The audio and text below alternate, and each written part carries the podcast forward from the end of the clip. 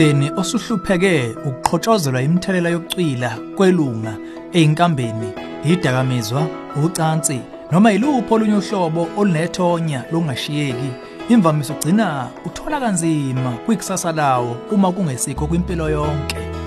SingamaKristu siyakholwa ukuthi uNkulunkulu angakwelapha bonke ubuthakathaka bethu nobudlane bethu obuphukile ngokuba ungumbuyiseli wemphefumulo yethu ihubo 23.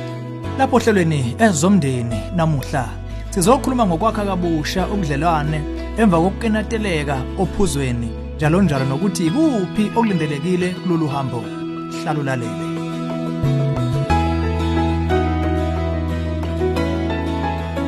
Ngithatha ithuba ngubingelele. Ezomndeni uhlelo ukulethela izeluleko eziphathekayo ngabaka focus on the family. Sithola umbuzo obuhlungu kubaba ofuna ukubuyisa ubudlelwane nomndeni wakhe.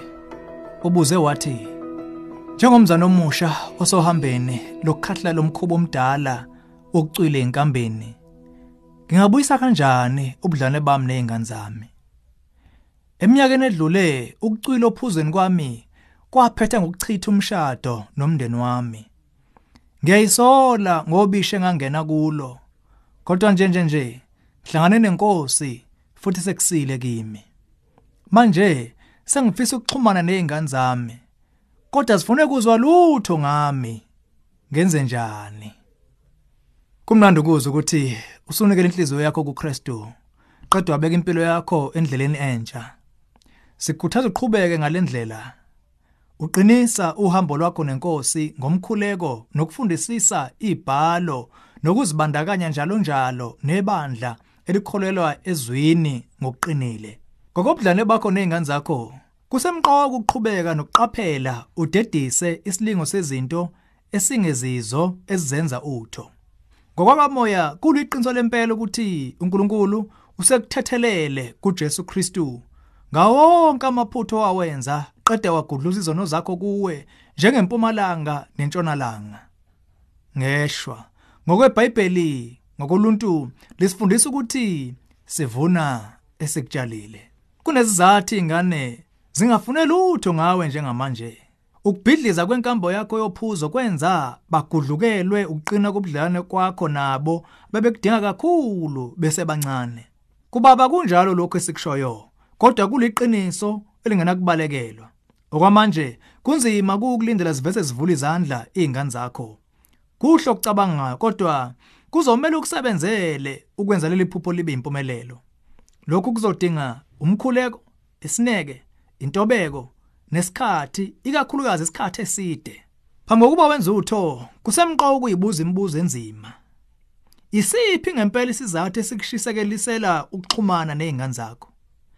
Ngakuba unemizwa ngazo siqu kumbe indlela yokususa icala olizwa kuwe nje. Ibhalo zithi kunomehluko omkhulu phakathi komuzwa wokuba necala ongawe kumbe ukudabuka ngokwezwe. Okukhiqiza kuphela ukufa nokudabuka ngokukaNkuluNkulu okuletha ukuphenduka kwempela okholela ensindisweni. Ngamanye amazwi ukusola kweqiniso ngokulimaza abanye kumbe ukwephula ubudlelwane. Eyesibili kwabaseKorinte 7 verse 10 uma ufuna okuhle kodwa ngabantu abakho kumele ubanike ithuba negebe abalidingayo ekufinyeleleni ekuxhumaneni nawe bavumele beze kuwe ngokwegxathi labo. Asebengakwenza besaba beza kancane kuwe. Ungajaha ukuvakasha kumbe ukushaya ucingo. Kuvamise kube ngcono ukuveza ukuyisola kwakho ngencwadi ubhale phansi. Benze bazi uyaqonda ukuthi bungakanani ubuhlungu nokudinwa abakuzwana ukuthi uzohlonipha isifiso sabo ngokubuyisana. Uma sebekhetha ukuthi sebekulungele ukuhlala nawe kuyoba kuhle ukuhlele lokho ngokoluleko lofundele ezokubuyisana komndeni.